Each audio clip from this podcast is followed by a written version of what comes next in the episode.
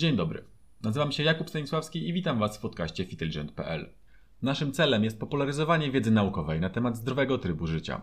Jeżeli podobają Wam się treści, które przekazujemy, podajcie je dalej. Subskrybujcie kanał, odwiedźcie nasze sociale i zapiszcie się do newslettera. Ten odcinek jest częścią krótkiego poradnika dla osób rozpoczynających przygodę z proaktywnym dbaniem o zdrowie. Rozmawialiśmy już o perspektywie, dziś porozmawiamy o diecie, a w kolejnych odcinkach porozmawiamy o wysiłku fizycznym, suplementacji i śnie. Okay, więc jesteście obywatelu nie we formie. Dobrze myślicie, należy zacząć od wyprostowania diety. Ten temat urósł do rangi religii. Jesteśmy nim co chwilę bombardowani. Spokojnie skrólujesz sobie kotki na Insta, a tu wyświetla się jakiś keto szaman jedzący masło z majonezem. A to idziesz z znajomymi na kolację. Ktoś zaprosił misjonarza, typ wygląda jak Jezus i pół wieczoru opowiada o wegańskim dokumencie na Netflixie. Koleżanka z roboty, która w zeszłym tygodniu odstawiła gluten, w kanciapie opowiada o tym, jak globalny spisek potruwa nas fluorem, więc od dziś nie myję zębów. Przykłady możemy mnożyć, na pewno każdy z Was mógłby kilka przytoczyć. W Intelligent zainteresowani jesteśmy tylko i wyłącznie przekazywaniem Wam sprawdzonych, potwierdzonych przez wysokiej jakości badania naukowe informacji i filtrowaniu tego typu bzdur. A więc zapytacie, Panie Mondralo naukowcu, która dieta jest najlepsza? Odpowiedź brzmi, zadajesz po prostu złe pytanie. Tysiące lat ewolucji pozwoliły Homo sapiens na wykształcenie mechanizmów, które pozwalają zaadaptować się do naprawdę przeróżnych warunków i to tyczy się również pokarmu. To, czy dieta zadziała, czy nie, nie zależy właściwie w ogóle od tego, co proponuję, a od tego, czy spełnia podstawowe warunki, które wytłumaczę za chwilę. Jesteś tym, co jesz. Dosłownie. Cząsteczki, które pochłaniasz każdego dnia, dosłownie sprawiają, że możesz teraz słuchać tego podcastu, przetworzyć te informacje i mieć wyrzuty sumienia. Dieta to najważniejsza część dbania o zdrowie. Można powiedzieć, że ważniejsza od treningu. Tak czy inaczej, robienie jednego bez drugiego nie ma większego sensu. Chudnie się w kuchni. Dlaczego? Prosty eksperyment. Sprawdź, ile kalorii ma na przykład pączek z lukrem, a teraz sprawdź, ile musisz na przykład biegać, żeby to spalić. Dzięki temu zrozumiesz, że nawet najcięższy, wielogodzinny trening zakończony pizzą i lodami nie sprawi, że schudniesz. Zanim w ogóle zagłębimy się w kalorie, makroskładniki itd., tak zajmijmy się oczywistym. Fast food i słodycze. Fast food i generalnie większość szybkiego żarcia na mieście to prawie zawsze wątpliwa jakość, dużo nasyconych trans tłuszczy i ogromne ilości kalorii, więc to oczywiste, że powinniśmy ich unikać. Zacznij zerkać na tabelę kalorii na opakowaniach produktów, a szybko zobaczysz, że nawet rzeczy, które uważałeś za relatywnie zdrowe, to bomby cukrowe. To tyczy się m.in. płatków śniadaniowych, musli, lodów, słodkich jogurtów, produktów bio i eko, bo brązowy cukier to nadal cukier, i też popularnych kaw typu frappuccino. Wszystkie te potrafią mieć zatrważające ilości kalorii. Musisz dać sobie sprawę, że po prostu fakt, że coś jest dostępne w sklepie, nie oznacza, że powinno być spożywane przez ludzi. Na przykład patrz papierosy czy alkohol. Jeżeli kierowalibyśmy się kryterium zdrowia, to przynajmniej połowa sklepu spożywczego nie powinna się tam w ogóle znaleźć. Przestań pić słodkie napoje i jeść słodycze. Po prostu ich nie kupuj i znajdź alternatywy, np. owoce. Zrozum, że to po prostu niezdrowe, a szczególnie w dużych ilościach. Prawda jest taka, że samo odstawienie tych słodkich, słonych przekąsek, chipsów, ciastek, słodkich napojów rozwiązałoby problemy zdrowotne dużej części społeczeństwa. W dużym skrócie o uproszczeniu, cukier, a dokładnie cukry proste, to bardzo łatwe do przyswojenia źródło energii i spożywane w nadmiarze, o które nie trudno, bo wszyscy wiedzą, że puszka coli to prawie 10 łyżeczek cukru, są łatwo i szybko wchłaniane. Prowadzą do szybkiego wzrostu glukozy we krwiobiegu. To z kolei powoduje duży wyrzut insuliny, hormonu, który powoduje wchłanianie glukozy do tkanek. Zbyt wysoka ilość insuliny sprawia, że tkanki stają się oporne na jej działanie, przestają powoli na nią reagować i dochodzimy do popularnego dziś terminu insulinooporność. Problem nieleczonej insulinooporności może prowadzić do cukrzycy typu drugiego, a ta choroba jest już nieodwracalna. Jeżeli ciężko Ci odmówić sobie czegoś słodkiego, rozwiązaniem mogą być sztuczne lub naturalne słodziki. Wbrew powszechnemu przekonaniu, cola zero jest dużo zdrowsza od zwykłej coli, właśnie ze względu na brak kosmicznej zawartości cukru. Jeśli masz już zgrzeszyć, to lepiej wybrać mniejsze zło. Brak naukowych dowodów na to, że aspartam, sukraloza, stevia, acesulfam K i inne najczęściej stosowane słodziki powodują raka bądź inne problemy ze zdrowiem. Jedynym problemem może być to, że utrzymasz nawyk jedzenia słodkiego. Słodziki mają swoje minusy, ale z dwojga złego to lepszy wybór niż cukier w produkcie. Sztucznym słodzikom poświęcimy oddzielny odcinek podcastu. Nie chodzi o to, byś nigdy więcej nie zjadł niczego niezdrowego. Rozsądna porcja raz, dwa razy w tygodniu nie jest problemem, jeżeli reszta Twojej diety jest w porządku. Ok, przechodzimy dalej. Jedzenie, które pochłaniamy każdego dnia, składa się z różnych, przeróżnistych substancji. Najprościej klasyfikujemy jako makroskładniki, czyli te, z których głównie składa się pokarm, występujące w dużych ilościach, i mikroskładniki, występujące w mikro, czasem wręcz śladowych ilościach. Obie te grupy są szalenie ważne. Makroskładniki to białko, które ma 4,5 kilokalorii na gram przyjmowanego białka. Ale wykorzystanie przez człowieka energii zgromadzonej w białku również wymaga do spalenia pewnej ilości energii. W przypadku białka jest to nawet 30%. Ta energia wydzielana jest w postaci ciepła i określana jest mianem TEF, Thermic Effect of Food lub Dietary Induced Thermogenesis, czyli de facto mamy około 3,7 kilokalorii, najmniej ze wszystkich makroskładników. Białko jest podstawowym budulcem mięśni i wielu tkanek. Niezbędny budulec i zarazem najzdrowszy, jeśli można tak rzec. Jeżeli masz się czymś obżerać, niech będzie to właśnie białko. Kolejny makroskładnik to węglowodany, również 4,5 kilokalorii w jednym gramie. W tym przypadku TEF to 5-10%. Węglowodany to podstawowe, najłatwiej przyswajalne źródło energii. Klasycznej piramidzie żywieniowej WHO stanowią nawet 60% dziennego spożycia. Węglowodany dzielimy na proste i złożone. Proste, czyli cukry, glukoza, fruktoza, galaktoza, dwucukry, m.in. laktoza w mleku, czy sacharoza, taki cukier w cukierniczce. Cukry proste mają swoje miejsce w diecie, ale problem w tym, że o ich nadmiar szczególnie łatwo. Jeżeli masz z czegokolwiek zrezygnować, niech będą to właśnie węglowodany. W naszej diecie są zdecydowanie nadużywane. Węglowodany złożone, obecne np. w roślinach strączkowych, ziarnach zbóż, ziemniakach, to po prostu długie łańcuchy połączonych ze sobą cukrów. Te są lepsze, bo rozerwanie tych łańcuchów trwa, a to zmniejsza szybkość, z jaką glukoza wchłania się do Twojego krwiobiegu, nie powodując przy tym tak wysokich wyrzutów insuliny, o czym rozmawialiśmy wcześniej. Mimo wszystko węglowodanów złożonych łatwo zjeść w nadmiarze, a to nadmiar kalorii jest de facto ważniejszy niż źródło tych kalorii. Tłuszcze mają 9 kilokalorii w jednym gramie. To kolejny z podstawowych budulców organizmu. Składnik energetyczny, ale i budulcowy, który odpowiada za budowanie błon komórkowych i jest niezbędny do prawidłowego funkcjonowania. Tłuszcze dzielimy na nasycone, mononienasycone i wielonienasycone. Upraszczając, nasycone są złe, wielonienasycone są bardzo dobre. Choć to uproszczenie i nie do końca prawdziwe i o tym też na pewno kiedyś porozmawiamy, jedz więcej tłuszczy wielonienasyconych, takich jak oliwa z oliwek, olej rzepakowy, a także kwasów omega-3, o czym wspomnimy później. I tutaj teoretycznie makroskładniki się kończą, natomiast musimy wspomnieć o innych ważnych składnikach żywieniowych, takich jak alkohol. Sam w sobie ma 7 kalorii na gram etanolu, dodatkowo część napojów alkoholowych zawiera bardzo dużo cukru i zarazem kalorii. Jeśli słyszeliście kiedyś termin puste kalorie, to właśnie dlatego, że te 7 kalorii nie służy absolutnie niczemu oprócz energii. Węgle, białko czy tłuszcze jednocześnie mogą zostać zużyte, np. aminokwasy do budowy mięśni lub kolagenu. Nie ma ilości alkoholu, która jest zdrowa. Jeszcze raz, nie ma ilości alkoholu, która nie jest szkodliwa. Częste zażywanie alkoholu wiąże się z niskimi stężeniami testosteronu i hormonu wzrostu, a ty chcesz mieć sporo, nawet jeśli jesteś kobietą. Alkohol właściwie jest trucizną i w taki sposób jest traktowany przez nasz organizm, sprawiając, że jest preferencyjnie metabolizowany przez wątrobę, hamując jednocześnie inne procesy w niej zachodzące, co oczywiście nie jest zdrowe. Najlepszym wyjściem jest odpuścić sobie go w ogóle. Lepiej jest wypić raz na jakiś czas, niż codziennie pić małe ilości. O alkoholu więcej porozmawiamy w oddzielnym podcaście. Musimy również wspomnieć o błonniku. To w rzeczywistości rodzaj węglowodanów złożonych, który nie jest przez nas trawiony. W efekcie zostaje przez nas wydalony w kale i ma ogromne znaczenie dla zdrowia układu pokarmowego i flory bakteryjnej jelit. Ma także wpływ na to, jak przyswajana jest reszta pokarmu i zarazem na gospodarkę energetyczną. Najlepszym źródłem są warzywa i owoce, ziarna czy zboża. Jedz więcej błonnika. Bardzo szybko zauważysz różnicę w rytmie wypróżnień. Jelita Ci za to podziękują.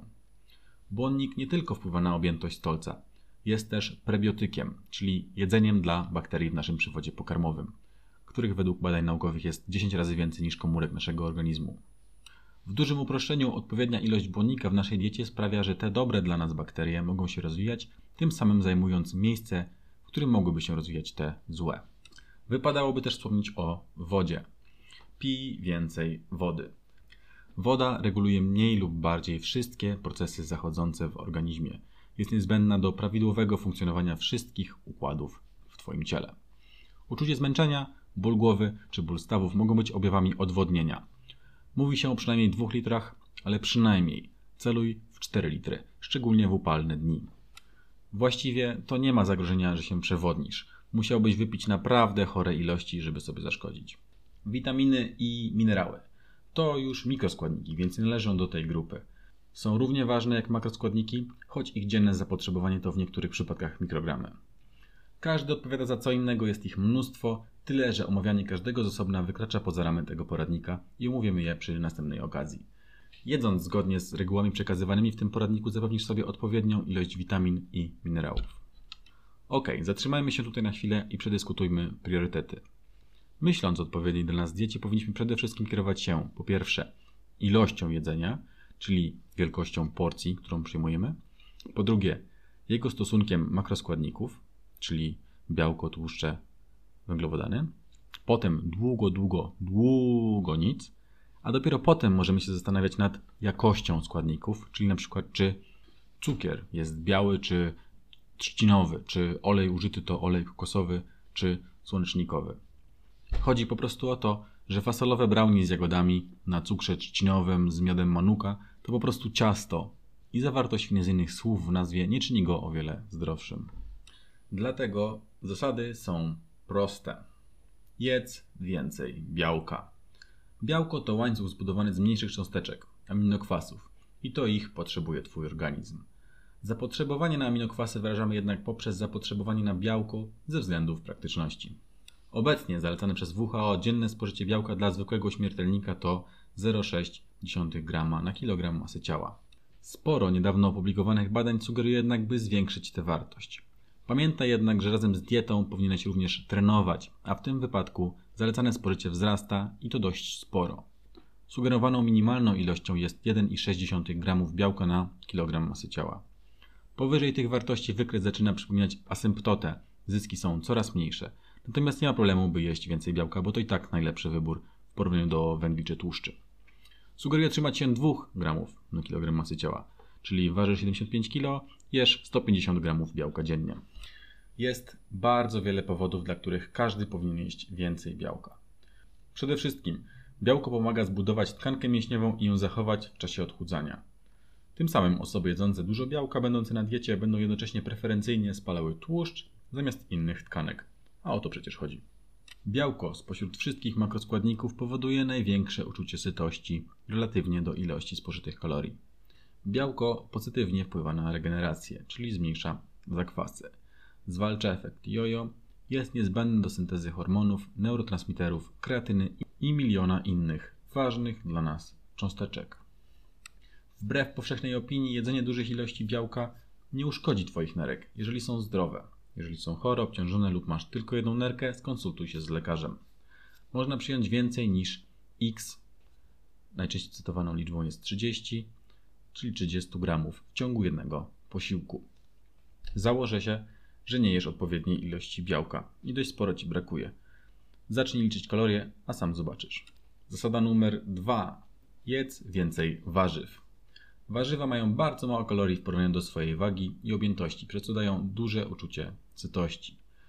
Jednocześnie są bardzo bogate w wiele mikroskładników, witamin, minerałów, fenoli i tym podobnych, wspomagając tym samym Twój nastrój, układ immunologiczny, sercowo-naczyniowy, skórę, włosy, paznokcie i dużo, dużo, dużo, dużo, dużo więcej. Są również bogate w błonnik, pomagają w odpowiedniej perystaltyce jelit i regulują ich rytm, dbają o odpowiednią florę bakteryjną. Zasada numer 3. Jedz odpowiednią ilość kalorii. Wyjawię Wam teraz największy sekret dietetyki zupełnie za darmo.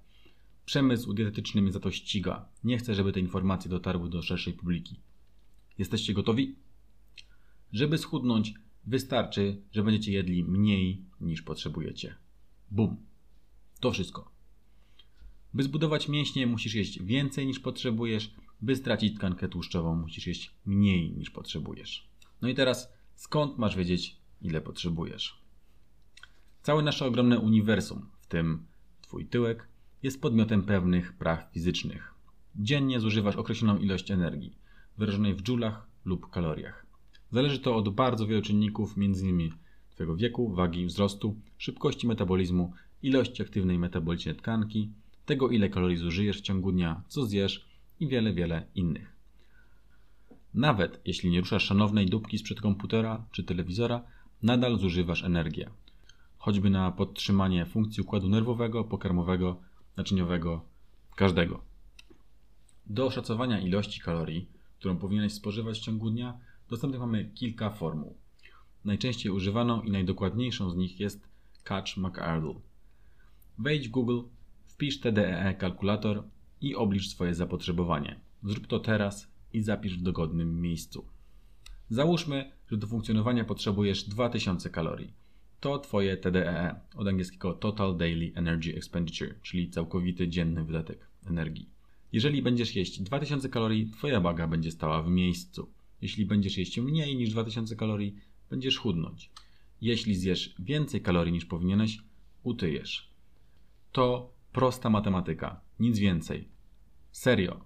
Upraszczając, niezależnie jaką dietę stosujesz, czy jesz korzonki, czy Big Maci, i tak zawsze sprawa rozbije się o kalorie. W teorii da się schudnąć jedząc śniadanie, obiad i kolację w maku. I w praktyce też się da. Jednak każdy zdrowy na umyśle człowiek odpowie, że to niezbyt mądry pomysł. I oczywiście będzie miał rację, ale na potrzeby tego poradnika, na potrzeby początkującego, przyjmijmy, że to prawda. Przede wszystkim zadbaj o odpowiednią ilość kalorii. Uważaj na popularny mit budowania mięśni i spalania tkanki tłuszczowej jednocześnie. Niestety, jednoczesne spalanie tkanki tłuszczowej i budowanie mięśni ma miejsce tylko wtedy, kiedy jesteś totalnie zielony. Pierwsze 2-3 miesiące od wstania z kanapy i rozpoczęcia treningu. Z powodów hormonalnych, szczególnie insulina i szlaków biochemicznych, szczególnie mTOR, Twoje ciało jest ustawione w stan anabolizmu, czyli syntezy budowania mięśni, ale też syntezy tłuszczu, lub katabolizmu, czyli rozpadu, utraty tkanki tłuszczowej, no i niestety katabolizmu mięśni. Niezależnie od diety podczas chudnięcia stracisz tłuszcz, ale i trochę mięśni, a jeśli przybierasz na wadze oprócz zyskania mięśni, złapiesz trochę dodatkowego tłuszczu. Takie są prawa natury i żadna odżywka tego nie zmieni. Proporcje zależą od tego, jak dużo nie dojadasz, jesz ponad TDE, a w mniejszym stopniu również co jesz, np. fast food kontra zdrowe jedzenie. Jest również kilka technik, którymi możemy te proporcje przesunąć w kierunku nas interesującym, no ale te będziemy poruszali w oddzielnym odcinku podcastu. Uwaga! Głodzenie się to bardzo zły pomysł. Skoro masz jeść 2000 kilokalorii dziennie, a zjesz 1500, to chudniesz. Wspaniale. To może zjesz tylko 1000. Teoretycznie efekty powinny być przecież dwa razy lepsze. To bardzo duży błąd. Poniżej pewnego poziomu Twój organizm wejdzie w tryb survivalowy i zredukuje Twój metabolizm. Nie będziesz już potrzebować 2000 kilokalorii, a mniej, czując się przy tym tragicznie. Będzie Ci zimno, będziesz zmęczony pomimo spania 8-10 godzin dziennie, libido spadnie do zera, obniży się Twój nastrój, będziesz tracił więcej mięśni niż tłuszczu, a to ważne, bo jednak celem jest spalenie tłuszczu, a pozostawienie mięśni. Spalenie mięśni sprawia, że spada również Twoje TDE, bo to jest prost proporcjonalne do ilości tkanki mięśniowej. Twoje ciało staje się efektywniejsze w zachowywaniu energii, zachowywaniu i odkładaniu jej jako tłuszczu. Deprywacja kaloryczna może skutkować depresją, a to, jak łatwo się domyślić, nie ułatwia trzymania się diety. Taka dieta sprawi, że będziesz się czuł dosłownie tragicznie. Bardzo ciężko będzie ją utrzymać, a powrót do zwykłego odżywiania sprawi, że raz, dwa szybko utyjesz. Może nawet bardziej, bo przecież Twój metabolizm właśnie strasznie spowolnił i 2000 kilokalorii jest powyżej Twojego TDE. I mamy gotowy tak zwany efekt jojo. Jeszcze raz. Głodzenie to bardzo zły pomysł. Wszystkie diety detox, dwa tygodnie tylko na soku, to kretyński pomysł i każdy, kto je poleca, kompromituje się na wstępie. Tego typu diety cieszą się dużą popularnością, bo działają. Na początku, bo tak duży deficyt kaloryczny na wstępie powoduje duży spadek wagi poprzez spadek ilości glikogenu, czyli magazynu energii, a z nim wydalenie wody z organizmu. Ale to tyle. Nie gubisz wiele tłuszczu, jesteś po prostu lżejszy, bo masz w sobie mniej wody. Długofalowo to tylko zmniejsza Twój metabolizm i powoduje efekt jojo po skończeniu takiej diety. Realnie celuj w maksymalnie minus 500 kcal dziennie, jeżeli chcesz schudnąć. Jeżeli jesteś naprawdę otyły, czyli masz BMI powyżej 40, możesz tę wartość zwiększyć do maksymalnie 1000 kilokalorii. Przy tak dużej otyłości kalkulatory z reguły zawyżają TDEE. Jeżeli chcesz przybrać na wadze, bo na przykład trenujesz i chcesz zwiększyć ilość mięśni, celuj w maksymalnie plus 500 kilokalorii dziennie. No dobrze, jak to wszystko teraz wprowadzić w życie? Przede wszystkim kup sobie wagę łazienkową. Waż się codziennie po porannej toalecie przed zjedzeniem śniadania. Zauważysz, że waga waha się dość mocno z dnia na dzień. Zawieź kartkę i długopis nad wagą, zapisuj to, ile ważysz. Aby uzyskać lepszy obraz, możesz wyciągać średnią z tygodnia. Kup sobie również wagę kuchenną. Koszt to około 50-100 zł i korzystaj z niej. Waż jedzenie przed jego wchłonięciem. Ściągnij aplikację do liczenia kalorii. Jest mnóstwo dostępnych za darmo. Ja używam MyFitnessPal. Skanuj kody kreskowe wszystkiego co jesz, dodawaj do aplikacji i celuj w odpowiednią ilość kalorii. Jeżeli żarcie nie ma kodu kreskowego, po prostu wyszukaj je ręcznie. Nie zapomnij, by dodawać także sosów, masła, oliwy, oleju, które dodajesz do jedzenia. Nie musisz być cholerykiem, wystarczy, że trafisz około 50-100 kalorii powyżej lub poniżej swojego TDEE. Jeżeli to wydaje Ci się dużo roboty, to absolutnie nie jest. To kilka minut w ciągu dnia, a daje Ci kompletną kontrolę nad procesem chudnięcia, tycia czy utrzymywania wagi. Tak naprawdę to wystarczy, że przełożysz się do liczenia kalorii tylko przez kilka miesięcy. Potem nauczysz się tego na pamięć i będziesz w stanie na oko ocenić ilość kalorii w danym posiłku, a także ocenić to, ile zjadłeś po tym, jak się po prostu czujesz. Maksymalny deficyt kaloryczny, w który celujemy, to 500 kilokalorii dziennie. Podkreślam, maks 500. Daje nam to deficyt tygodniowy na poziomie 3,5 tysiąca kilokalorii. Dokładnie tyle, ile powinno pozwolić nam na spalenie około pół kilograma. Jeżeli nie chudniesz pół kilograma tygodniowo, sprawdź na pewno, czy dobrze liczysz kalorie, czy na pewno liczasz wszystko, co jesz. Nie zapominaj o sosach, przekąskach, kostce czekolady, garści orzechów itd. Tak Jeżeli na pewno dobrze liczysz kalorie i nadal nie chudniesz, najprawdopodobniej Twoje realne zapotrzebowanie jest inne niż wskazuje kalkulator. To nie znaczy, że masz rzucić to wszystko w kąt. Nadal licz kalorie, po prostu bierz poprawkę na tę różnicę. Jedz trochę, 100, 200 kilokalorii mniej i sprawdź, jak reaguje na to Twój organizm. Użyj szarych komórek. No dobra, a co z popularnymi dietami? Keto, no fat, 1 grapefruit dziennie, intermittent fasting, zone, protein power i to, co aktualnie jest teraz na topie. Większość z nich jest koncentrowana na stosunku tłuszcze kontra cukry, białko albo na specyficznym produkcie.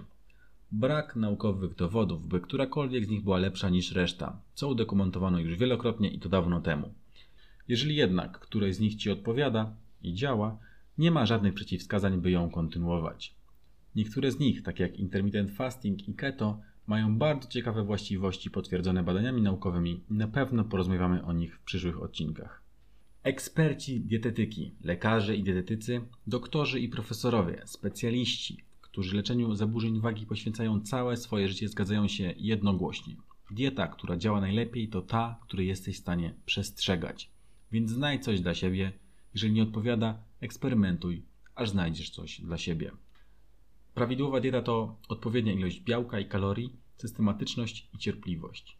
Jeśli zadbasz o te cztery podpunkty, to na pewno zadziała. Ilość posiłków w ciągu dnia.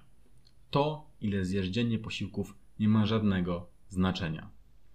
Jeżeli jesteś zdrowy, nie cierpisz na insulinooporność czy cukrzycę, jedzenie pięciu czy ośmiu posiłków nie różni się od jedzenia jednego czy dwóch, a zjedzenie wielkiego śniadania od niezjedzenia go w ogóle. To tylko kwestia wygody, praktyczności i tego, co odpowiada akurat Tobie. Po prostu skup się na odpowiedniej ilości kalorii i białka. Jeżeli cierpisz na reflux, cofanie się treści żołądkowej do przełyku, w tym wypadku wskazane jest jedzenie częściej, a mniejszej ilości jedzenia. Idea jedzenia przed którąś tam godziną to również mit. Jedzenie po 20 nie jest automatycznie zamieniane w tłuszczyk. Nie powinniście jednak jeść przed snem właśnie ze względu na refluks i na fakt, że pełen bełcun zaburza jakość snu. Dlatego ostatni posiłek najlepiej spożywać przynajmniej 1,5-2 godziny przed zaśnięciem, a po tym posiłku najlepiej pójść na spacer. Żywność przed, około czy potreningowa. To gorący temat nakręcany przez ludzi, którzy chcą Ci sprzedać swój produkt. Nie trać czasu na szukanie złotej proporcji i najlepszego źródła kalorii.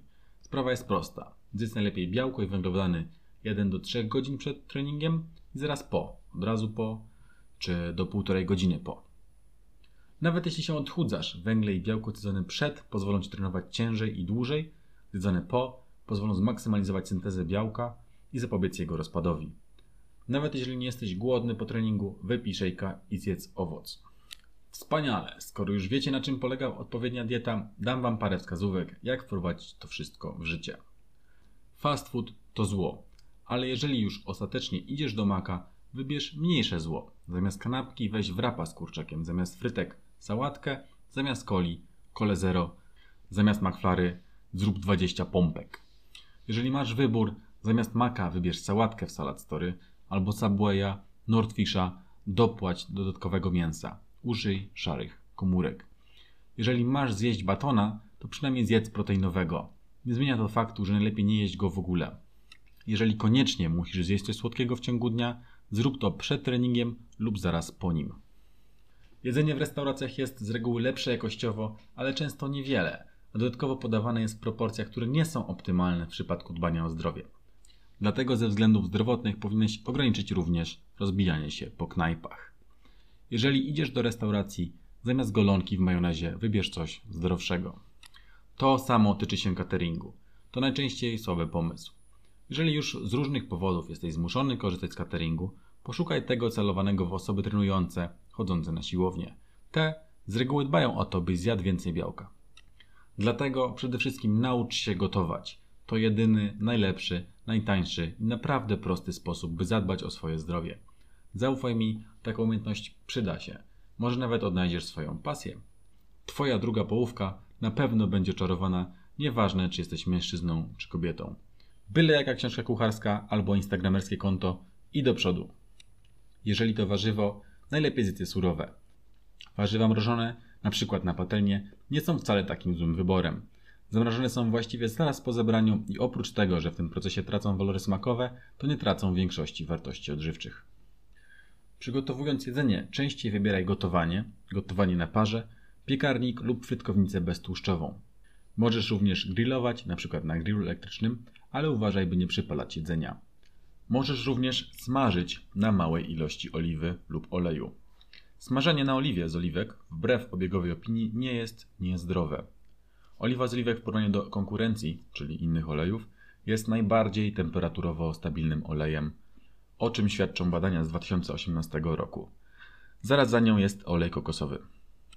Kup sobie wok, taka duża, głęboka patelnia i przygotowuj dużo jedzenia na zaś. Pakuj je i zabieraj ze sobą do pracy czy szkoły. Jest zdrowiej i taniej niż zamawianie pizzy albo kupowanie czegoś w automacie. Dobre źródła białka to przede wszystkim ryby, najlepiej tłuste, drób, piersi mają mniej tłuszczu niż reszta kurczaka czy indyka, również czerwone mięso, nabiał, czyli twarogi, twarożki, serki wiejskie, jogurty, kefiry, mleko.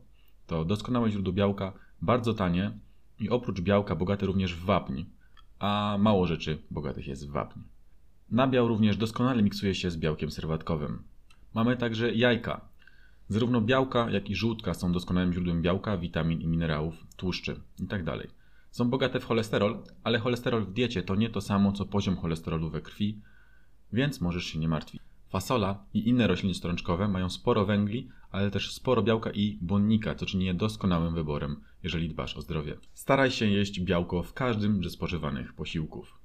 Weganie nie będą mieli łatwo, ale rośliny strączkowe takie jak fasola i do tego tofu, seitan, soja to najlepsze źródła białka.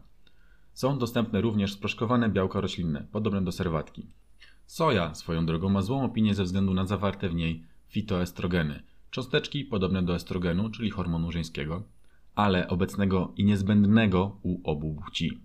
Wnioski z niedawno opublikowanej metaanalizy wskazują, że o ile nie jesz soi w bardzo dużych ilościach, czyli codziennie na każdy posiłek, nie ma się czym przejmować. Także soja to dobre źródło białka raz na jakiś czas. Doskonałe źródła węglowodanów i głównie te, które powinniśmy pochłaniać, to pełnoziarniste chleby, pasta, biały i brązowy ryż, ziemniaki i bataty gotowane lub z piekarnika, owsianka, rośliny strączkowe, tak jak fasola i ciecierzyca, ale jak już wspominaliśmy, uwaga, bo bardzo łatwo zjeść ich w nadmiarze, dlatego jeszcze raz naciskam licz kalorie. Wszystkie warzywa to wspaniały pomysł i powinniście jeść ich jak najwięcej. Tych zielonych nie musicie nawet dodawać do liczenia kalorii. Ciężko jest przekroczyć kalorie ogórkiem albo sałatą. Owoce to wspaniałe źródło błonnika, witamin i minerałów, więc jedz przynajmniej jedną porcję dziennie. Traktuj je jako deser, zamiast ciastek, batonów, czekolad czy innych. Skoro już jesteśmy przy czekoladzie, ta powyżej 70% kakao, można by powiedzieć, jest nawet zdrowa ze względu na zawartość polifenoli, magnezu i o dziwo błonnika. Więc jeżeli już koniecznie musisz zjeść czekoladę, jedynie gorzką 70-85%. Czekolada jest jednak bardzo kaloryczna, więc licz kalorie. Orzechy są bardzo bogate w minerały, ale uważaj, to jedne z najbardziej kalorycznych opcji, jakie są. Jeżeli chcesz przybrać na wadze, możesz jeść ich sporo. Jeżeli chcesz schudnąć, lepiej ich unikać. A najlepiej liczyć kalorie. Najlepszym źródłem tłuszczów będzie oliwa z oliwek, na której można bez problemu smażyć, wbrew obiegowej opinii, olej rzepakowy i ryby. Tłuszcze nasycone, również wbrew obiegowej opinii, nie są niezdrowe per se. To połączenie tłuszczów nasyconych i nadmiaru kalorii jest odpowiedzialne za niekorzystne zmiany w naszej krwi i naczyniach krwionośnych. Jeśli będziecie jedli odpowiednią ilość kalorii, nawet bekon, masło czy smalec Wam nie straszne. Na koniec notatka dla wegetarian i wegan. To, że nie jesz mięsa nie znaczy od razu, że masz zdrową dietę.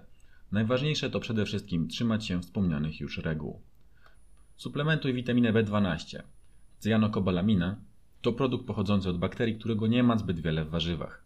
Niskie poziomy tej witaminy mogą skutkować anemią megaloblastyczną. Suplementuj również kwasy omega-3, szczególnie DHA. Wszyscy powinni suplementować, ale wy szczególnie. W soi, orzechach, nasionach jest sporo niezbędnych kwasów tłuszczowych, ale brak właśnie DHA. Mięsożercy najczęściej zaspokajają zapotrzebowanie na te kwasy, ale to nie znaczy, że jest to dawka optymalna. Jedni i drudzy powinni suplementować kwasy omega-3. Więcej o tym w następnej części tego poradnika o suplementacji. Mamy jeszcze wapnie. Najlepszym i najbogatszym źródłem wapnia jest nabiał. Jeżeli nie jesz nabiału, to jedz dużo soi, migdałów, fasoli, płatków owsianych, sezamu. Przemyśl też suplementację wapnia. Żelazo dostępne jest w wielu produktach typu orzechy, sałaty, pełne ziarno, ale jest dużo trudniej wchłanialne niż to w mięsie czerwonym. Do odpowiedniego przyswojenia żelaza jest niezbędna witamina C, ale tej macie pod dostatkiem. Badaj co jakiś czas poziom czerwonych krwinek we krwi. Zwykły hemogram. Jeżeli jest nieprawidłowy, porozmawiaj ze swoim lekarzem. Na sam koniec informacje specjalnie dla kobiet. Przede wszystkim tyczy się Was wszystko to, co powyżej. Miesiączka powoduje utratę krwi, a z nią żelaza. Rekomendowana dawka żelaza dla kobiet jest 50% większa niż dla mężczyzn, a kobiety mierzą się z anemią częściej niż mężczyźni. Jeżeli miewasz obfite miesiączki albo zdiagnozowano kiedyś u Ciebie anemię, zadbaj o dodatkowe żelazo w diecie lub rozważ jego suplementację. Jeśli masz wątpliwości, skontaktuj się z lekarzem. Kobiety ze względów hormonalnych są bardziej podatne na osteoporozę. W związku z tym przyjmuje się, że potrzebują więcej wapnia i witaminy D.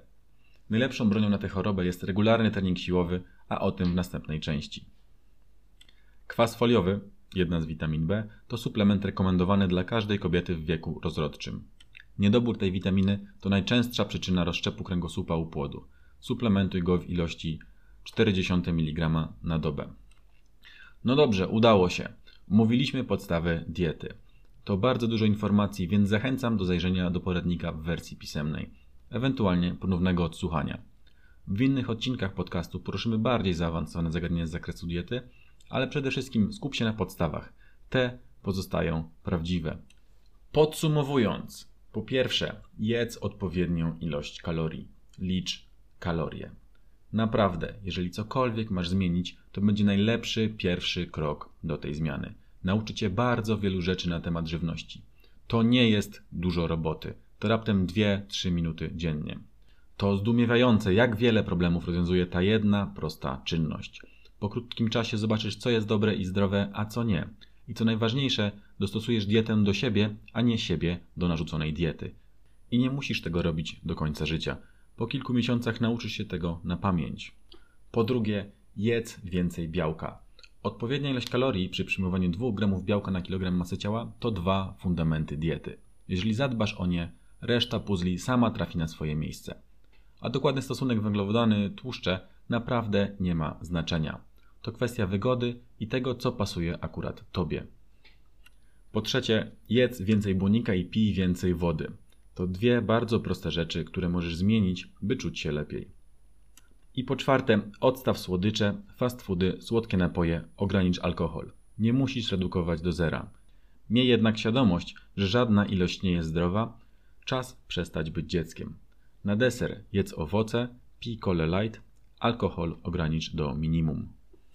Te cztery podpunkty wystarczą, by dieta była skuteczna.